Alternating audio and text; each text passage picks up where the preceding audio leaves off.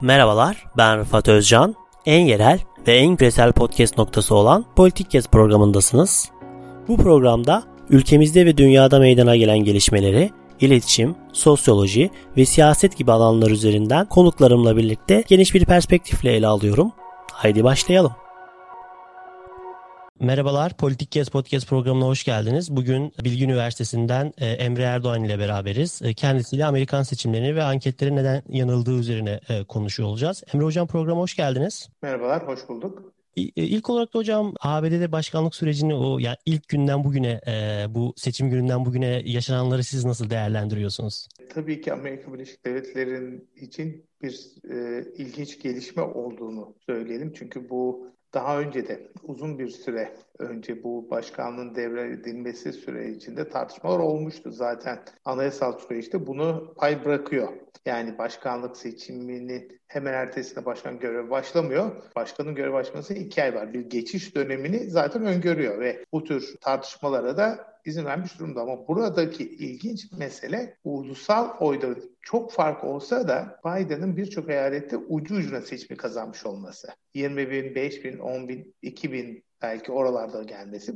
Bu çok bir gerilim yarattı. Yani çünkü bin e, Georgia eyaletinin olduğu gibi belli bir oyunu farkın altındaysa yeniden sayılıyor zaten otomatik olarak. Bu bin, iki binler, üç binler rahatlıkla sayma hatası oluyor. Bir de buradaki önemli şeylerden bir tanesi bu uzaktan oy verme süreci. Şu anda en son baktığım istatistikler şu ana kadar kullanılan oyların yaklaşık %70'inin ya önceden ya da posta yoluyla verildiğini gösteriyor. Bu da Amerika Birleşik Devletleri için yeni bir şey. Daha önce de vardı. Yani bu postayla oy kullanma ya da erken oy kullanma yeni bir pratik değil ama seçmenlerin %70'ini bu şekilde kullanması ilginç bir şey. Tabii bunda koronavirüsün çok büyük etkisi var ama esas %70'in bu şekilde kurulsa yarın %75 olur, %80 olabilir. Bu önemli bir gerilim yaratıyor. Ben bu noktada şunu kendi kendimize sormamızı istiyorum. Biz kendi ülkemizde bu şekilde oy kullanımı hakkında ne düşündük? Biz sabah kalkıp sıraya girip oy kullanıp %85 oy verme oranlarına yaklaşmış bir ülkede yaşıyoruz. Ama mektupla oy kullanılmasına izin verir miydik? Bu soru işte vereceğimiz yanıt. Bu soruyu sorduğumuz zaman tartışacağımız mesele Amerikalıların bakış açısını gayet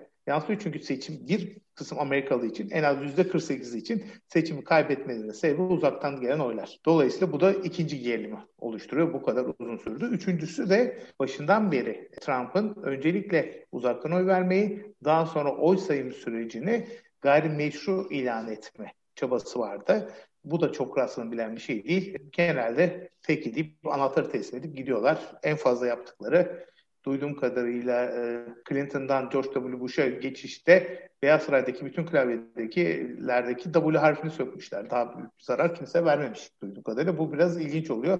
Biraz zor terk edecekmiş gibi gözüküyor Trump Beyaz Sarayı. O yüzden de bu gerilimler devam ediyor. Sizce bu yani 4 yıla baktığınızda Trump döneminde hem Amerika hem dünya için nasıl bir miras bıraktığını düşünüyorsunuz? Şimdi şöyle siyaset biliminde özellikle seçmen davranışı çalışanların genelde kabul ettikleri bir şey vardır. Makro düzeyde ekonomidir bu mikro demiyorum. Hani insanların görüşleri değil. Belki onda daha sonra tartışırız ama makro değişkenler bilirler. Nedir o makro değişkenler? Amerika Birleşik Devletleri'nde bu çok uzun süre çalışıldı zaten. Bir enflasyondur örneğin. işsizliktir. En önemlisi ekonomik büyümedir. Döviz kurlarıdır vesaire. İnsanlar bu parametrelere bakarak genelde başkana destek olup olmamayı belirlerler. Yani bazı ekonometrik modellerle başkanın kim olacağını tespit edebilirler. Şimdi biz 4 yıllık dönemi Şubat 2020'de bitirmiş olsaydık resmi çok farklı olacaktı. Nasıl? Ekonomik büyüme kötü değil. Yani baktığımız zaman küçük ki yani Trump'ın görevi aldığı günden Şubat 2020'ye kadar herhangi bir eksi büyüme yok.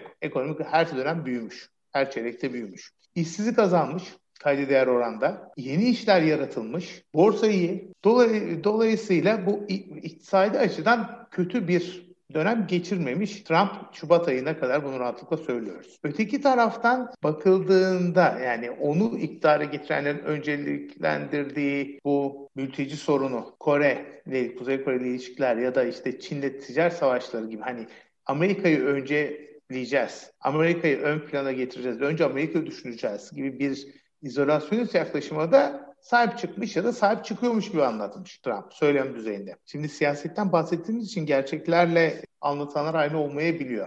En azından anlatısı bu. Kendi seçmen tabanı hep bunu tekrarladım. %94 oranında onu desteklemiş. Yani Cumhuriyetçiler arasında Donald Trump'ın desteği %94'te.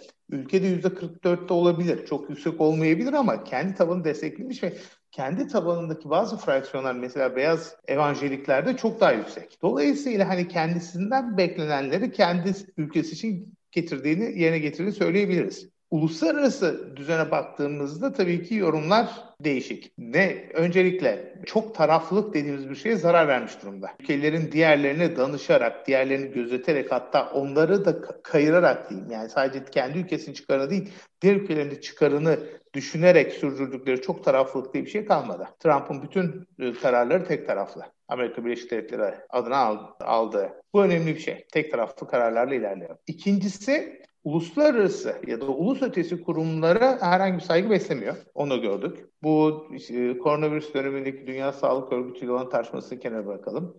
IMF'e, Dünya Bankası'na, Birleşmiş Milletler'e, NATO'ya, Dünya Ticaret Örgütü'ne hiçbirinin herhangi bir saygı göstermiyor.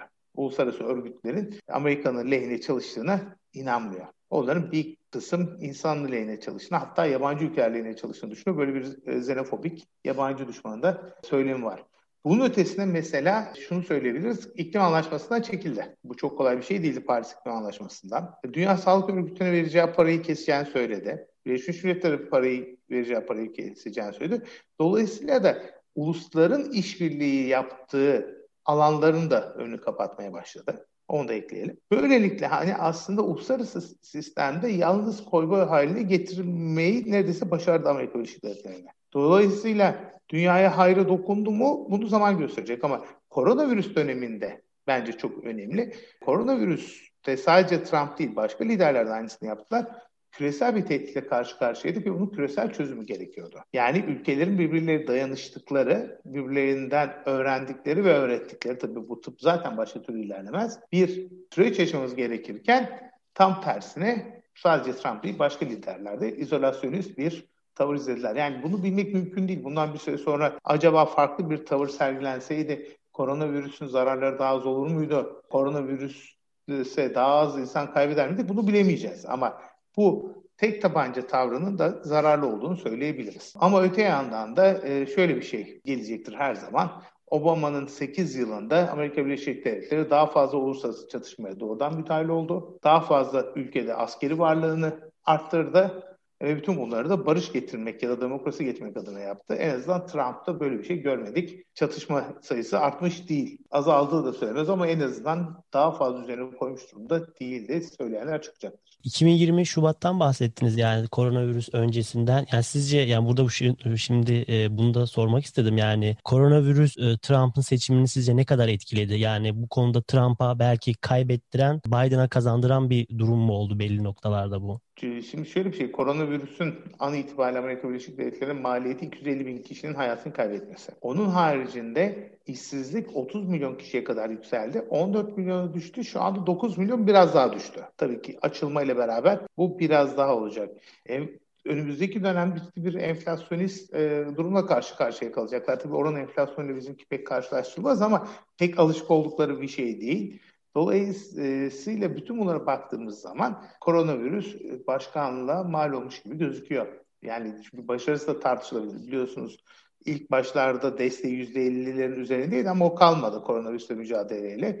Çok siyasileşmiş bir konuya düşündü dönüşte olay. Dolayısıyla ben evet bu spekülasyon olarak koronavirüs olmasaydı yani Şubat 2020'de bu seçim yapılsaydı Trump'ın kazanabileceğini düşünüyorum. En az 4-5 puanı mal olmuşa benziyor koronavirüs yarattığı zararlar. Sadece koronavirüs değil tabii ki Haziran'daki e, ayaklanmanın da bir miktar bedeli olmuş gibi gözüküyor. Dün Biden kapsayıcı bir konuşma yaptı. Tüm Amerika'yı kapsayacağını e, söyleyen tırnak içinde bir balkon konuşması e, yaptı diyelim. Biden dönemi için nasıl bir Amerika öngörünüz var? Şimdi Biden'ın seçilmesindeki temel faktör tabii ki koronavirüs. Bunu bir kenara koyalım. Yani koronavirüsün etkisini yok sayamayız. Ama Biden'a oy verdiğini söyleyen insanlar Trump'a oy vermemek için Biden'a verdiklerini söylüyorlar. Ve ülkemize dahi insanların çoğunun Trump gitti diye sevindiğini görüyorsunuz. Biden geldi diye değil. Çünkü zaten seçim kampanyasında da Biden çok umut veren bir dizi politika önermiş durumda değil. Sadece kendisi Trump karşıtı konumlandı. Zaten biliyorsunuz bir takım zaaflar olduğu da söyleniyordu sağlığıyla ilgili. Bunları göstermemeye çalıştı. Onun yanı sıra kendisi bir koalisyon oluşturdu. Ne koalisyonu? Trump'tan nefret eden, edenler koalisyonu. Bunda herkes var. Yani sadece tek bir şey yok. Siyahi seçmenin büyük çoğunluğu var. Hispanikler var, kadınlar var, merkez demokratlar var. Yani alışa geldiğimiz Pelosi türü demokratlar var. Sol demokratlar var. Ocasio-Cortez ve işte Sanders'ın tespit ettiği ki dün bir gerilim orada bile yaşandı. Bütün bunlar işte daha sosyalist düşüncelere sahip olanlar var. Bütün bunlar bir araya gelip Trump'ın gitmesi için ellerinden geleni yaptılar. Hollywood var, ana, medya, ana akım medya var. Bütün bunlar hep beraber Trump gibi bir figürün Amerikan siyasetinde yeri olmadığını söyleyerek gitmesi için elinden geleni yaptı. Ama bu bir gönderme platformu. Yani bu bir tartışma. Bunu başka bir yerde de yazdım. Hele o bir gitsin de. Tamam gitti ne yapacaksınız? Mesele bu. Bu bir platform üzerine uzlaşmadılar. Yani benim gördüğüm kadarıyla. Tabii ki Kamala Harris'in başkan yardımcısı olması, siyahi bir kadın yani bu önemli bir şey. Bir sembol ve tabii ki retoriği çok daha farklı olacaktır Biden'ın karşılaştığımız zaman ama Obama'nın da iyi bir retoriği vardı. Yani Obama'nın döneminde hiçbir önemli sorun çözülmedi neredeyse. 2008 ile 2016 sorununda. Neler var Amerika Birleşik Devletleri'nin gündeminde? Bir kere koronavirüs var. Koronavirüse daha iyi mücadele edeceğini çünkü bilim insanları dinleyeceğini söylüyor. Bunu bir kenara yazalım. Yani kendisi nasıl daha efektif mücadele edeceğini söylemiyor. Bilim insanları dinleyerek yapıyor. Zaten aslında bir tür restorasyondan bahsediyorlar Biden'ı övenler. Koronavirüs var. Ekonomiyle ilgili zaten herhangi bir şey söylemek mümkün değil. Buradaki en büyük tartışma açalım mı kapatalım mı? Şimdi koronavirüs ölümleri ya da koronavirüse bağlı rahatsızlıkların üzerinde açma ya da kapamanın etkisi aşikar. Yani açık tutarsanız daha fazla insan ölüyor. Ama açma ya da kapamanın ekonomi üzerindeki etkisi de aşikar. Açarsanız ekonomik, ekonomi toparlıyor. Şimdi burada kapatacak mı? Açacak mı? Yoksa arada bir yerde mi götürecek? Çünkü bu bizim Mayıs ayında e, ya da Nisan ayında çok fazla tartıştığımız meseleydi. Kapatarak ne kadar sürdürebilirsiniz? Özellikle bu tipik Trump seçmenleri için sürdürmek çok kolay değil. Bunu akılda tutalım. Bir ekonomik açısından ne yapacaklarını bekliyoruz. Çok önem verdikleri kurumların erozyonu var. Kurumların derken Trump çok şahsi bir başkanlık izlediği için e, hem aracı kurumlar ki popülistler aracı kurumları sevmezler. Anayasa Mahkemesi'nden başlayarak aşağı doğru giden herhangi bir aracı kurumu sevmezler. Bütün patronajın kendilerinde olmadığını isterler. Hem de federal kurumların hiçbir hükmü kalmadı. Salgına mücadele dairesi ve iklim dairesi gibi bir takım federal kurumlar var. Bunların hiçbir kalmamıştı Trump döneminde. İklim dairesi açmıyorsam uzun sürede atama bile yapmıyordu. Şimdi bütün bunları gücü geri vereceğim iddiası var. Bunu Amerikan halkının faydası olup olmadığını göreceğiz.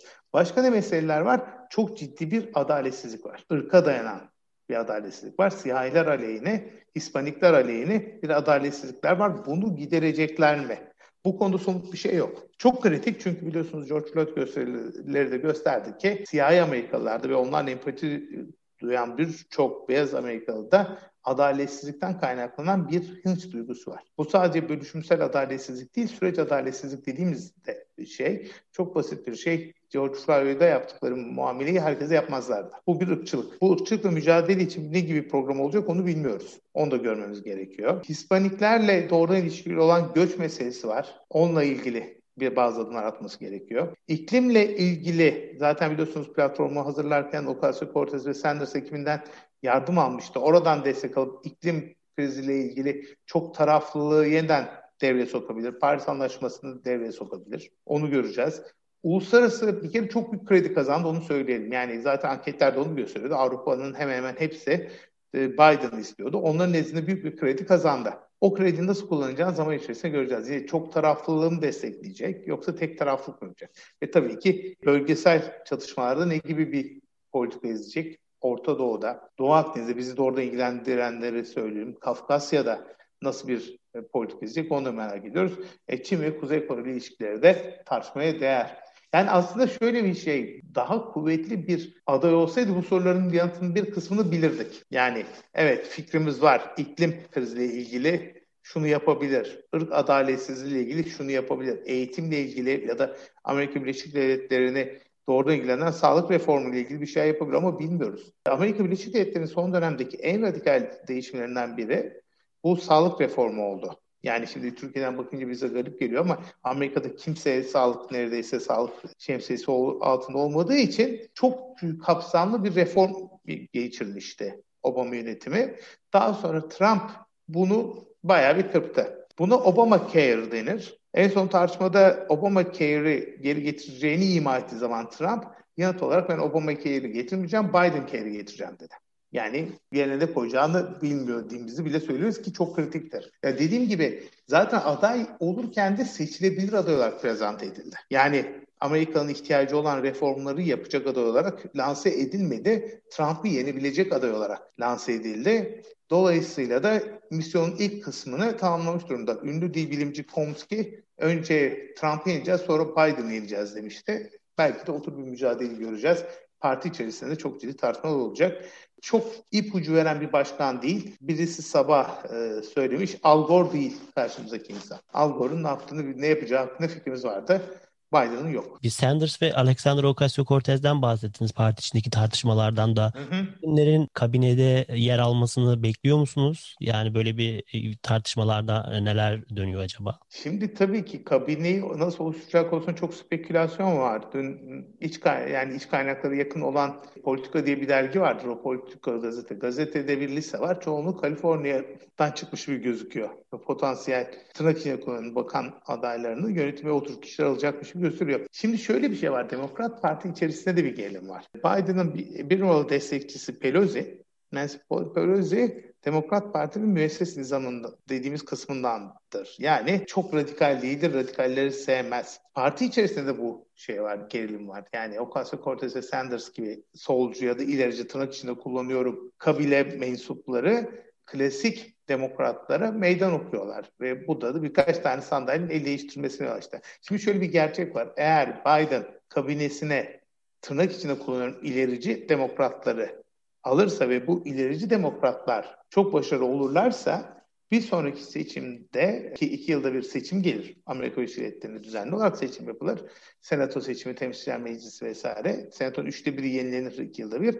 O zaman ilerici demokratların daha avantajlı olarak e, senatoyu doldurması mümkün olabilir. Bu demokratların ana akım kısmının çok arzu edeceği bir şey mi zannetmiyorum. Yani Trump'ı tercih edebilirler. O tür sosyalist. Çünkü gerçekten de bazı sosyalist olduğunu düşündüklerini biliyorum. Bu ilerici demokratlar demokratların geri kalanı biraz sosyalist gibi gözüküyor. Ki değiller tabii ki. Şimdi asıl hocam anketleri sormak istiyorum. Yani Hı. anketler Clinton döneminde olduğu gibi bu dönemde de yanıldı. Yani metod metodolojik olarak bu neden açılamıyor? Yani Yunus Emre'nin programında çok güzel açıkladınız yani. Bahsettiğiniz metotlar değiştirilemiyor veya geçmişte de bu metotlarla yapılmıyor muydu anketler? Şimdi şöyle bir şey. Bir anketin yanıldığını kabul ederek başlayalım. Hani o da tartışmalı hale getirmeye çalışanlar var Yok canım fark oldu ama yani 8 puan öngörmüşlerdi. 12 puan öngörmüşlerdi. Bunların hepsi internette mevcut eyaletler bazında. İspanya'da 12 puan öngören var biliyoruz başa baş bitti yani 40 bin oyla farklı bitti. Çoğu yerde anketler başarısız oldu. Bunu kabul ederek başlayalım. 2016'da da anketler başarısız olmuşlardı ama 2016'da anketler ulusal oyu tahmin etmekte başarılı olmuşlardı. Çok kötü bir fark yoktu. Clinton 3 ya da 4 puan öndeydi. Onlar da zaten 3 ya da 4 puan önde olduğunu söylüyorlardı. Nerede başarısız oldular? Eyaletlerde. Eğer eyaletlerde de başarısız olmanın en önemli sebebi kaliteli anket sayısı azdı. Kritik eyaletlerde. Yani Florida'da olsun, Pennsylvania'da olsun, Ohio'da olsun yani bu isimleri ezberlediğimiz eyaletlerde nitelikli anket sayısı azdı. Dolayısıyla bu büyük anket kuruluşları medyanın da desteğiyle beraber o kritik eyaletlerde anket yaptılar. Ama yanıldılar. O yüzden düşünmek gerekiyor. Yanılmaları da yöntem. Yani yanlış yöntem uyguladılar. Nasıl? Özetleyelim. Amerika Birleşik Devletleri'nde artık yüz yüze anket yapmak mümkün değil. Anketleri ya telefonla yapacaksınız ya internetle yapacaksınız. Meraklısı bu YouGov diye bir kurum vardır. Onun anket açıkladığını görür. YouGov internet anketini yapar. Zaten bir İngiliz şirketidir. Türkiye'de hiç güvenilir değil internet anketleri. Amerika Birleşik Devletleri'nde de hiç güvenilir değil. Çünkü denek deriz. Denek görüşten kişi üzerinde herhangi bir yetkisi yok. Yani orada görüşten kişi istediği gibi tırnak içinde kullanıp uçabilir, yanlış cevaplar verebilir. Buraya müdahale etme şansı yok ama yüz anketlerde göz, insanın gözüne baktığımız için biraz o şansımız var. Örneklemeyi biraz daha dengeli tutar. Amerika Birleşik Devletleri'ndeki internet anketlerini yapanlar. Türkiye'deki gibi değil. Türkiye'deki internet çok erkek, çok genç, çok bıyıklı diye dalga geçeriz. Çok solcu. çok muhalif bir internet ortamı vardır e, Türkiye'de. Dolayısıyla burada anket yaptığınız zaman sonuçlar kayar. Amerika Birleşik Devletleri'nde örneklemi kontrol altına internet anketlerinde ama yöntemden kaynaklanır sorunları var. Telefon anketlerinde de birden fazla sorun var. Öncelikle telefon anketlerinde kimle görüşeceklerini nereden biliyorlar sorusu var. Çok teknik olmamakla beraber biz eskiden sarı rehberleri kullanırdık. Geç tutan hatırlar. Ülkemizde de o sarı rehberler yok. Amerika Birleşik Devletleri'nde de yok. Sabit telefonların sayısı çok azaldı. Cep telefonlarının sayısı çok arttı.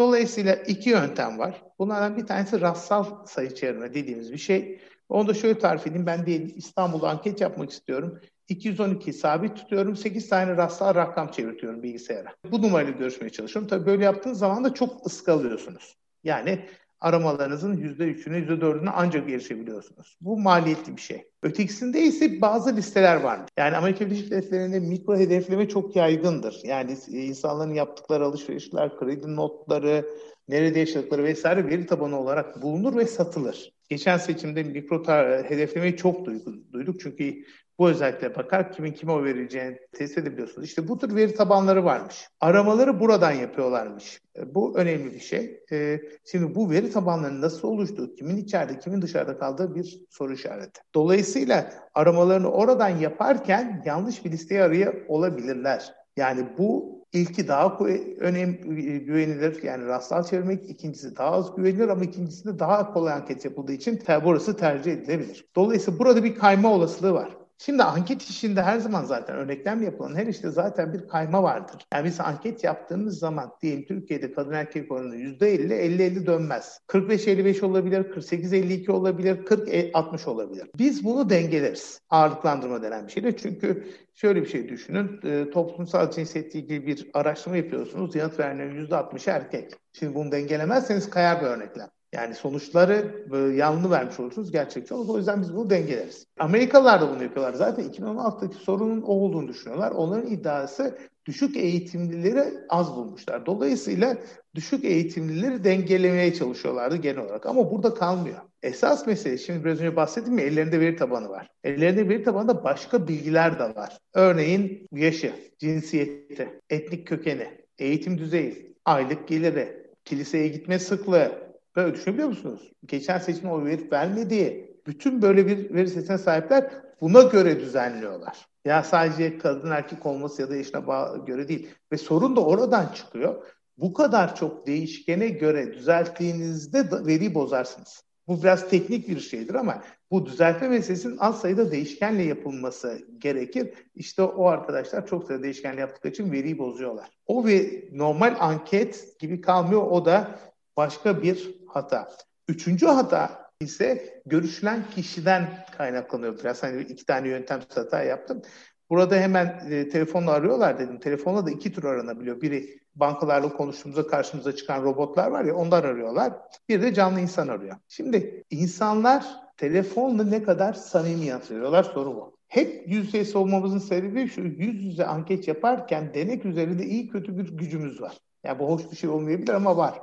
Oraya kadar gidilmiş, oraya kadar gidilip onun düşüncesine önem verdiği söylenmiş. Karşınızdaki insan yani işte görüyorsunuz kadın, erkek, genç, yaş farklı bir insan ve bir insanla konuşuyorsunuz. Bu size bir hürmet, bir saygı gösterdiğini gösteriyor. Öteki tarafta telefonunuz çalıyor ve telefonunuzu nereden bulduğunuzu bilmediğiniz bir insan size soru sormaya başlıyor. Bir robot da olabilir bu arada. Dikkat edin şanslıysanız insan. Bilmiyorsam üçte biri robot. Üçte iki olasılıkla insan. Ve telefonunuzu nereden buldu? Bu insan kim? Bu insan bu bilgiyi kimlerle paylaşacak? Bütün bunları bilmiyorsunuz ve bu bir tedirginlik yaratıyor. Zaten telefonda çok uzun anket yapmak mümkün değil. İşte biz buna tercih çarpıtması da diyen arkadaşlar var ki tercih çarpıtması doğru mu kelime bilmiyorum. Yalan söylemek doğrudan söyleyebiliriz. Anketör yalan söylüyor. Hassas konularda bilgi vermek istemiyor. Şimdi hassas konular neler? Yani ülkemizdeki hassas konuyu ben size söyleyeyim. Ne kadar para kazandığı hassas konu insanlar. İnsanlar eve ne kadar para girdiğini söylemezler. Bilinmesini istemezler. Çünkü olduklarından fakir gözükmek isteyebilirler. Olduklarından zengin gözükmek isteyebilirler ve biz bunu bilemeyiz. Dolayısıyla orada insanlar bir miktar yanlış yanıt verirler. Bir sürü konuda sigara içme ya da e, kötü yemekler yeme, ucuz filmler seyretme. Anlatayım Bütün bu konularda insanlar karşısındakine doğruyu söylemekten çekinebilirler. Burada sosyal arzu edilebilirlik deriz. Sosyal arzu edilebilirlik devreye girer. İnsanlar hoşa gidecek yanıtları vermek isterler ve bir sürü de faktör devreye girer. Yani ankette sorduğunuz her soruya doğru yanıt almazsınız. Belli bir olasılıkla yanlış yanıt alırsınız, yalan yanıt alırsınız. Şimdi bu seçim meselesi. Karşınızdaki bir insan size seçime gidip gitmeyeceğinizi soruyor. Oy verip vermeyeceğinizi. Şimdi oy vermemek ayıp. Bir de iklimi de düşünün. Hani Trump var, Biden var, yarış var, ülkenin dünyanın geleceği var. Siz orada gitmeyecekseniz bile gideceğim diyebiliyorsunuz. Benim en son gördüğüm rakamda seçime katılacağım, oy vereceğim diyenlerin %80'deydi ki %70'i bulamadı. Bu 13 puanlık yalan demek en az. Yani %80 ile %67 68 arasındaki fark sahada gideceğim dedi ve gitmedi. Bu arada bu oran daha da büyüyebilir. Çünkü sahada gitmeye, gitmeyeceğim deyip gidenler de olabilir. Bu %20'ye kadar varabilir. Eldekilerin %20'si yalan söylüyor. İkincisi kime oy vereceksiniz? Şimdi bu hep utangaç Trump meselesini açıyor. Tanımadığınız birisine Trump'a oy vereceğinizi söyler misiniz? Bu önemli mesele. İşte suskunluk sarmalı diye bir kavram var biliyorsunuzdur. 1970'lerde çıktı. İnsanlar kendilerinin azınlıkta olduğunu düşünüp susuyorlar. Onlar sustukça onlar gibi insanların sesi daha az duyuluyor ve vesaire vesaire. Bu yüzden sarma. İnsanlar kendilerini azınlıkta hissederlerse çok net yanıt vermezler. Orada da bir yanlış cevap vermeyi, samimi olmayan cevap vermemeyi giderler. Ve bu da diğer değişkenlerle ilişkidir. Ne demek? Şimdi Trump seçmenleri de Biden seçmenleri de eşit derecede yalan söylüyorsa bir sorun yok. Ama bazıları daha fazla yalan söylüyor olabilir. Kimler daha fazla yalan söylemeye ya da tercih çarpıtmasına teşhine eğilimli dediğimiz zaman düşük eğitim almış olanlar, belli etnisiteden olanlar, siyasetle ilgisi çok fazla olmayanlar, siyasi bilgisi çok fazla olmayanlar, radikal görüşlüler, radikal görüşler şey beklersiniz daha güçlü görüşleri dile getirmeleri beklersiniz. Yok onlarda da ter, tercih çarpışması çok çok daha fazla olabilir. Dolayısıyla doğru yanı toplayamazsınız. Şimdi böyle bir sıralama yapacak olsak insanların en kolay yalan söyleyebildiği şey internet anketleridir. Çünkü karşılarında insan yok. Telefon anketlerinde de kayda değer oranda yalan söylenebilir. Bu konuda yapılmış çeşitli çalışmalar var. Yüz yüze de yalan söyleyebilir. İnsanlar genelde zaten anketlerde yalan söyleyebilirler. O yüzden de hassas soruları değerlendirirken çok e, ciddiye almak lazım. Bunun hani çok abartılmış örneği hepimiz belgesel seyrediyoruz değil mi anketörler sorduğu zaman. İnsanlar o kadar e, belgesel seyretmiyorlar ya da o kadar ansiklopedi satın almıyorlar. İnsanlar toplumun ya da çevrelerindekilerin onaylamayacağı işlerde bulunuyorlar. Bunda tanımadıkları insan niye söylesinler? Daha da ileri gidelim. Mesela bazı çalışmalar görüyoruz. Aile içindeki şiddeti ölçüyorlar. Sormuşlar dövüyor musunuz? Kim dövüyoruz der ki tanımadığı insana. Yani onun üzerine bir miktar rakam koymak lazım. Çünkü bunlar utanılacak şeyler. İnsanlar rahatlıkla utanılacak şeyleri söylemeyebilirler. Ha işte o da bizi son noktama geliyor. Neyin utanılacak olduğu psikolojiktir. Bir insanın kendi değerlendirmesiyle çok ilişkilidir. İkincisi çevresindekilerin değerlendirmesi. Bu da işte utangaç Trumpçı meselesine getiriyor. Bir insanın etrafındaki herkes Trumpçıysa niye utangaç Trumpçı olsun ki? O herkesin Trumpçı olduğunu düşünür zaten. içinde yaşadığı ortamdan dolayı. Dolayısıyla o utangaç Trumpçılar meselesini biraz ispat etmeye ihtiyaç var. Ben şöyle demeyi tercih ediyorum. Bu seçimde oldukça çok sayıda insan yalan söyledi ve bazı insanlar daha fazla yalan söyledi. Baktığımız zaman da anladığımız kadarıyla Trump'a oy vermiş olanlara daha fazla yalan söylemişler gibi gözüküyor. Gayet e, güzel ve çerçeveli şekilde açıkladınız. E, sizin de zaten e, araştırmacı geçmişiniz, araştırma şirketiniz var. Bunu da burada dinleyicilerimize hatırlatmış olalım ayrıca. Programın birinci bölümünü burada bitiriyoruz. İkinci bölümü dinlemek için 53. bölümden dinlemeye devam edebilirsiniz. En yerel ve en küresel podcast programı Politik Kesti dinlediniz. Bizi Spotify, Apple, Google Podcast üzerinden ve sosyal medya hesaplarımızdan takip etmeyi unutmayın. Yeni başlıklar ve konuklar için kulağınız bizde olsun.